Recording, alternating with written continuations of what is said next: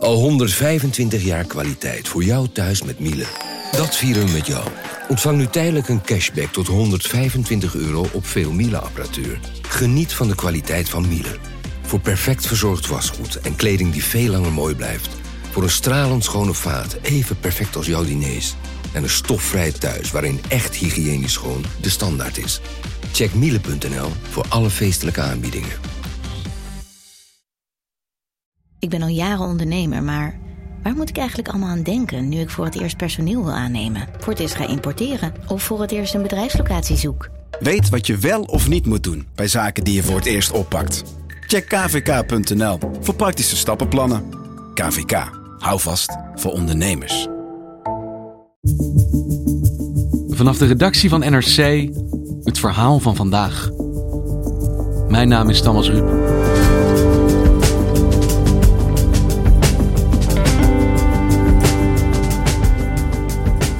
Nederland. Het land van de kaas, de klompen en het kweekvlees. De eerste volledig in het laboratorium geproduceerde hamburger is een Nederlandse uitvinding. Uit 2013 alweer. Rijkhalsend keek de wereld er naar uit. Vlees zonder milieubelasting en zonder dierenleed. Maar waarom ligt dat nog altijd niet in de winkel?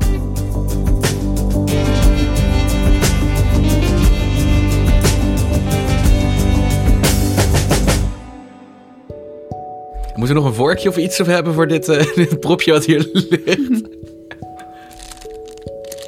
Waar lijkt het op?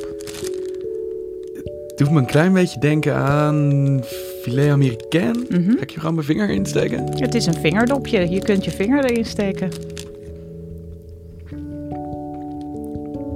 Ja. mm. Het lijkt meer op filet américain denk ik dat het naar smaakt. Het is pittig. Ja, het doet me wel een beetje aan vlees denken. Ja. Waarom eet ik dit? Kun je je nog herinneren? 2013? Martine Kamsma schrijft voor NRC over voeding en alles wat daarbij komt kijken. Toen er in Londen op een podium een Nederlandse wetenschapper stond, Mark Post, die daar de eerste kweekvleesburger ter wereld presenteerde. Everyone sitting here with bated breath is dying to see what's underneath the cloche. So can you do the honors and, and lift the lid on your creation? Het was een waanzinnig persmoment. De pers van de hele wereld stond erop. Er werd daar een hamburger gebakken die in het laboratorium ontwikkeld was uit cellen, spiercellen van een koe die nog leefde, wat we gewoon konden eten. Er stond echt een pan te sissen, daar werd die hamburger in gebakken Okay. en werd voorgezet aan die mensen om te proeven. Eén hamburger voor al die mensen en die hamburger had 250.000 euro gekost. Dan moet je je voorstellen dat je die kok bent. Dat je live op televisie een hamburger van 250.000 euro aan het bakken bent. Die kan verbranden, die je zo vanaf je spatel op de grond kan laten glijden. Maar dat ging allemaal goed. Dat ging goed. En, hoe werd die ontvangen? De burger, de duurste burger ter wereld? Nou, je kunt je voorstellen als de spotlights op je staan en de camera's, dan proef je met extra aandacht. En dan is het heel gek om iets te proeven dat gewoon vlees is. It's close to meat. It's not that juicy. Ja, en er werd gezegd, we gaan dit nu zo ver ontwikkelen dat we het in 2020 in de winkel kunnen leggen. Dat we het kunnen verkopen. Dat het een commercieel product wordt. Dat geen 250.000 euro per burger meer kost. En 2020 is nu, dus wat ik net uit dit vingerhoedje van jou heb gekregen is kweekvlees? Mm, nee. Ik was vorige week bij Moza Meat in Maastricht om te kijken hoe ver ze zijn met kweekvlees. En alles wat ik daar heb kunnen zien was een heel klein bolletje spiercellen, een klein hoopje tartaar, filet américain-achtig. En ehm, zelfs de directeur van Moza Meat, Maarten Bos, heeft het nog nooit geproefd. Er zijn maar een paar Nederlanders die ooit kweekvlees hebben geproefd. Want ik ken het woord kweekvlees. Ik kan me dat moment in 2013 nog vaag herinneren. Dat het heel groot en als beloftevol werd gezien. Maar wat is kweekvlees nou precies? Kweekvlees wordt gemaakt uit cellen die uit een koe worden gehaald. Dus je neemt een biopt, je neemt een klein stukje weefsel van een koe die gewoon leeft. Die koe duw je weer de wei en jij gaat naar het laboratorium met je cellen. Ehm, en die spierstamcellen die leggen ze in een soort voeding, een serum, dat die cellen laat groeien en vermeerderen. En als het er dan genoeg zijn, dan gaan ze in een andere reactor en dan wordt er weefsel van gevormd. Krijg toch een klein beetje, ik weet dat ik dat niet zou moeten hebben, maar eh, toch een soort rillingen ervan. Met het idee dat er gewoon een soort homp vlees uit zichzelf aan het groeien, aan het vermeerderen is. Een beetje aan een horrorfilmachtig idee denken. Nou ja, dat is ook een beetje de reputatie die aan kweekvlees kleeft. Het wordt ook wel frankenfood genoemd. Uh, het heeft een beetje een, een, een griezelige bijklank. Maar als je het onder een microscoop bekijkt, is het niet anders dan vlees. Het wordt alleen in het lab gemaakt en niet uh, op een boerderij met het dier dat vervolgens geslacht moet worden. Wordt ook wel clean meat genoemd. Het is eigenlijk schoon vlees. Dat klinkt natuurlijk al beter en sympathieker dan kweekvlees. En waar komt het idee vandaan dat je op deze manier vlees zou kunnen produceren, dus zonder levende dieren? Eigenlijk aan de wieg van kweekvlees stond Willem van Elen, een Nederlandse arts, die uh, de oorlog had meegemaakt, honger had geleden in het Jappenkamp. En die was gefascineerd door het idee dat je van cellen buiten het lichaam weefsel van kon maken. Dus ook vlees was zijn idee. En op die manier kon je dus koeien laten leven, varkens laten leven, kippen vrij laten rondlopen en toch vlees eten. En hij kreeg het uiteindelijk voor elkaar om op dat idee patent te krijgen. Willem van Elen leeft niet meer, zijn dochter wel. En zij is nu eigenlijk de onbezoldigd ambassadeur voor kweekvlees in Nederland. Nou, ik ben uh, Ira van Elen. Uh, ik ben uh, een dochter van Willem van Elen. Ira van Elen heeft als kind voortdurend moeten aanhoren hoe haar vader streed voor zijn ideaal, tot gekmakens toe. Ik was echt natuurlijk een ongeïnteresseerde tiener. En was mijn vader dominee geweest, was ik waarschijnlijk niet naar de kerk gegaan. En hij was ja, de kweekvleeskerk voor mij. En hij heeft daar heel veel moeite voor gedaan om vervolgens subsidie te krijgen voor onderzoek. Ja, daar is echt best wel baanbrekend werk in gegaan. En tegelijkertijd is er ook wel de eerste, ja, misschien deceptie bij mijn vader opgetreden. Hij wilde snel, hij wilde dat iedereen meedeed. Hij wilde het op de markt brengen. Hij wilde wetenschap en bedrijfsleven en iedereen aan het werk krijgen. Dus voor mijn vaders gevoel waren ze helemaal niet goed bezig, waren ze niet hard genoeg aan het werk. Wetenschappers doen hun eigen werk, bedrijven hebben andere belangen. Dus dat ging niet snel en het ging niet zoals Willem het wilde. Maar je zegt het ging niet snel. Uh, had hij het anders voor zich gezien? Want hij, dit is een man met een geniaal idee eigenlijk. Die probeert dit geproduceerd te krijgen, op de markt te krijgen. Maar ging dat niet zoals hij wilde? Hij heeft het in elk geval niet meer meegemaakt. Want in 2015, twee jaar na de introductie van die eerste burger, waar hij ook een beetje. Dat was een beetje een tragische triomf, want het, die burger was er. Maar het was niet het succes van Willem, het werd het succes van Mark Post. Mark Post is de Nederlander die de burger kweekte uit de stamcellen van een koe.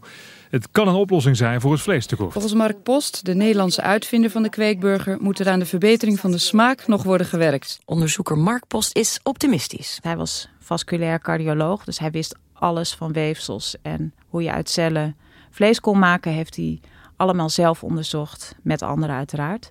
Maar hij was degene die daar in Londen de show stal. En de man aan wiens brein dit hele idee ontsproten is, stond daar niet, Willem van Elen. Hij heeft het gezien. Hij moet er ook blij mee zijn geweest, maar de tragiek was wel dat het niet zijn succes was. Maar 2013 is best een tijd geleden. Uh, wat gebeurde er sindsdien? Toen was het een poosje stil. En toen, op een dag ergens in 2017, kreeg de dochter van Willem van Elen, Ira van Elen, een telefoontje. Van? Josh Tetrick aan de lijn van Just, een uh, start-up in California. Haar belde om te vertellen dat zij het patent via via hadden gekocht van haar vader. En die wilde Ira van Elen uitnodigen om bij hen op bezoek te komen en over kweekvlees te praten. En toen ging Josh Tetrick, die ging haar vertellen wat ze aan het doen waren. En stuurde haar het filmpje van Ian the Chicken. Dat is, dat? Het, dat is de meest charismatische kip uit de geschiedenis van de veehouderij. We picked out a really nice looking chicken. Kip Ian. Kip Ian. Van kip Ian wordt een veer afgenomen waar ze een cel uithalen. For those very first cells, it was important to us how we got the cells, not just that we got the cells. Van die cel uh, kweken ze kipnuggets, kippenvlees. Uh, op een gegeven moment, het is mooi weer, zit een groepje vrienden met elkaar aan een picknicktafel. Ze eten kipnuggets. En wie loopt er rond die picknicktafel? Ian the chicken. It was an out of body experience to sit there and and eat a chicken, but have the chicken that you're eating running around in front of you. You don't imagine doing something like that. Dat hebben ze natuurlijk allemaal een beetje geromantiseerd. Uh, maar het is zo'n um, charmant filmpje. Uh, Ira van Elen viel daar meteen voor en besloot naar Just te gaan. Dus dat van dat supergelikte start-up geweld. En het idee is, zij eten kipnuggets van een kip die nog steeds om hen heen scharrelt daar. Ja. Maar met het idee van haar vader. En uh, die wilde weten van, wie is die man? Kunnen we daar iets meer over vinden? Want dat vonden ze wel een grote held. Ze trof daar een bedrijf zoals je wel meer in Californië ziet. Eigenlijk een techbedrijf, een techfoodbedrijf. En dat kweekvlees, daar zagen ze veel in. Daar waren ze dus ook al vrij ver mee. En Ira van Elen kon daar dus ook proeven wat ze maakte. Er was een kok die voor haar stond te koken. En die haar uh, bolognese saus met kweekvlees liet proeven. En taco's met chorizo worst erin. Het grappige was, de opwinding zat er meer in de opwinding, maar niet in de smaak. Er stonden camera's omheen. Uh, er werd natuurlijk door tientallen ogen naar haar gekeken. Wat vind je ervan? Niet alsof vlees, maar dat was gewoon iets vleesigs wat ik aan het eten was. En dat was overduidelijk. Gewoon vlees. Kweekvlees. En wat deed dat met haar, dat moment dat zij voor het eerst nu proefde eigenlijk wat haar vaders levenswerk is geweest? Toen kreeg zij het vuur weer te pakken. Ze dacht, ja, het is er dus bijna. We moeten hier... Zij wilde eigenlijk zelf meemaken wat haar vader niet meer mee had kunnen maken. Dat dat vlees ook echt in de winkel te koop zou zijn. Want het is een hele andere wereld eigenlijk waar zij dan in terechtkomt. Ja, dat is ook een beetje hoe die ontwikkeling gegaan is. Het was vooral een idee van de wetenschap en het terrein van de wetenschap. Geleidelijk aan is het het terrein van investeerders, van techbedrijven, van start-ups in Californië, in Israël, in Europa een enkeling. Maar kleine bedrijfjes met laptops en laboratoria die een wereldveranderende uitvinding proberen op de markt te brengen. Want hoeveel bedrijven zijn dat die op dit moment zich bezighouden met de ontwikkeling van kweekvlees? Het zijn er tientallen. Uh, je hoort getallen 20, 30, 40. Maar er zijn er misschien vijf, zes, ietsje meer die echt serieus bezig zijn met een product dat bijna op de markt kan komen, zoals ze zelf beloven. Ik zag een grafiekje en dan zie je de eerste investeringen in ongeveer 2016. Heel klein staafje. En dat explodeert echt tot vorig jaar Memphis Meat 161 miljoen binnenhaalde.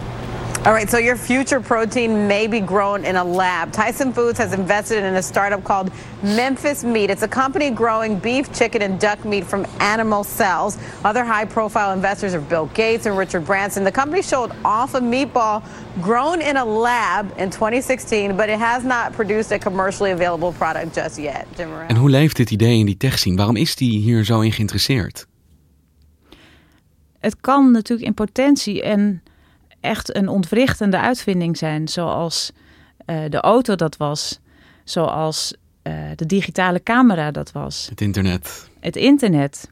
En als kweekvlees er komt, dan kan dat veel veranderen. Er zijn analisten die zeggen dat het 40% van de vleesmarkt kan overnemen.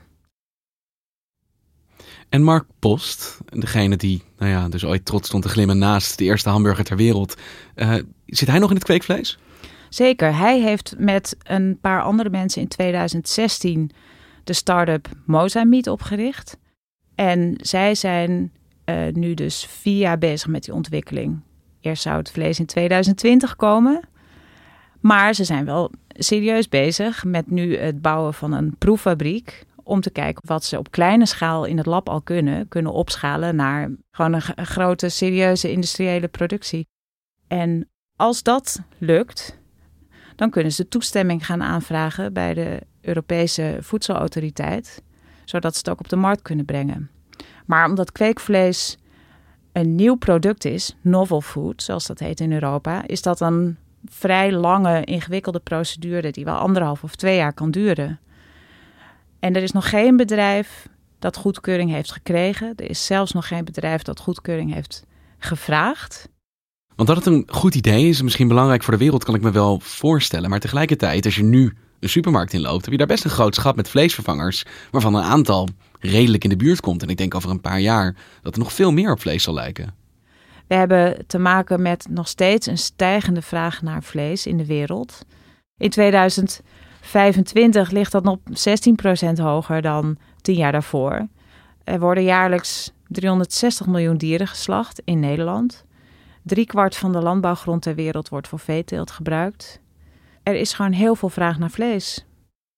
En dan moet je bedenken, we hebben niet alleen consumenten hier, maar we hebben een wereldbevolking die misschien groeit tot 10 miljard in 2050. China, groeiende enorme bevolking. India, Brazilië is een serieuze kandidaat. Afrika. Er zijn zoveel landen ter wereld waar mensen ook vlees willen eten. Want jij hebt net een beetje uh, nou, voor het lapje gehouden met iets wat natuurlijk helemaal geen kweekvlees bleek te zijn. Maar wanneer zou ik dat nou wel kunnen kopen? Wanneer komt het moment dat ik een Albert Heijn inloop en daar een kweekvleesburger kan kopen? Nou ja, Mark Post en Mozamiet zeggen nu 2022 misschien in restaurants, burger, een beetje de luxere burgerrestaurants misschien. Voor twee jaar, zo snel al. Dat zeggen ze. Nou, laat ik vooropstellen, wij kunnen pas verkopen als de regelgeving rond is. Dus uh, als die er niet is, dan mogen we het niet verkopen. dus dat is uh, heel erg. En net zo belangrijk als de vraag wanneer het komt, is de vraag, maar waar dan? Zullen wij dat hier in Nederland als eerste kunnen eten? Of wordt het toch Singapore bijvoorbeeld, een land dat heel erg geïnteresseerd is in kweekvlees en er ook veel geld in steekt. Maar ja, als het in Europa, als het uh, niet mee zit en het laat allemaal erg op zich wachten, we zijn ook met andere markten bezig. Ja. Dus puur, ik wil niet in een situatie komen dat we wel dit mooie product kunnen maken en impact kunnen gaan maken uh, ergens, maar nog niet mogen verkopen. En, en, ja, dan maar in Singapore impact maken. Dat is ook. Dus als zij in Azië eerder toestemming krijgen om op de markt te komen, dan zullen ze dat zeker niet laten. Iedereen wil de eerste zijn. Nederland liep lang voorop in de ontwikkeling van dit kweekvlees. Inmiddels zijn de Amerikanen hard op weg ons in te halen. Nederlandse voorstanders van kweekvlees vinden dat zonde en vinden dat het deels ligt aan de Nederlandse Voedsel- en Warenautoriteit. Want zijn onze politici hier al mee bezig? Wordt er regelgeving ontwikkeld al voor kweekvlees of is dat toch te ver in de toekomst? Speelt zich op Europees niveau af. Daar moet je toestemming vragen. Maar dat wil niet zeggen dat je in Nederland daar niet bij kunt helpen. En dat is wat de dochter van Willem dus al jaren probeert. Om de politiek te bewegen zich wat meer in te zetten voor kweekvlees. Vorige week was daar een debat over in de Tweede Kamer. En dan kweekvlees. Het is hier ook begonnen in Nederland. Dus ik kan me voorstellen dat dit ook een, eh, een, eh, een uithangbord wordt voor Nederland. We zien iets wat de afwachtende houding van het eh, kabinet. We zouden graag zien dat er iets meer initiatief zou worden genomen om te kijken wat de, de kansen daadwerkelijk zijn en of daar uh, mogelijkheden zijn om dat verder te benutten. Nou, de minister de taak om hier haar tanden in te zetten. Maar het idee van IRA is schiet op met die regelgeving, want anders dan verlies je eigenlijk de ja, koploperspositie die eigenlijk via haar vader hier begonnen is. Ja, zij zou het natuurlijk prachtig vinden. En met haar ook Mozambique, als dat in Nederland voor het eerst op de markt kan worden gebracht. Nou, ik word een beetje moe van de vraag altijd van wie gaat als eerste. Ik vind het echt een totaal non-vraag. Van wat maakt het uit wie er de eerste is? Laten we gewoon met z'n allen zorgen dat er voor al die bedrijven uh, uh, dat het daar goed mee gaat. Het gaat erom dat het überhaupt gaat gebeuren en dat we dat met z'n allen gaan willen. Het doel van haar vader was niet om Nederlanders kweekvlees te geven. Het doel van haar vader was een betere planeet. En als dat in China gebeurt of in Singapore, dan is dat doel ook bereikt. Maar op het moment dat jij hier de studio inkomt met een vingerhoedje, rozige drap en dat er daadwerkelijk kweekvlees blijkt te zijn, gaat op zijn vroegst over twee jaar dus zijn. Nou, misschien neem ik je dan mee naar een hamburgerrestaurant. is goed. Dankjewel, Martine. Graag gedaan. Je luisterde naar vandaag, een podcast van NRC. Eén verhaal, elke dag. Dit was vandaag, morgen weer.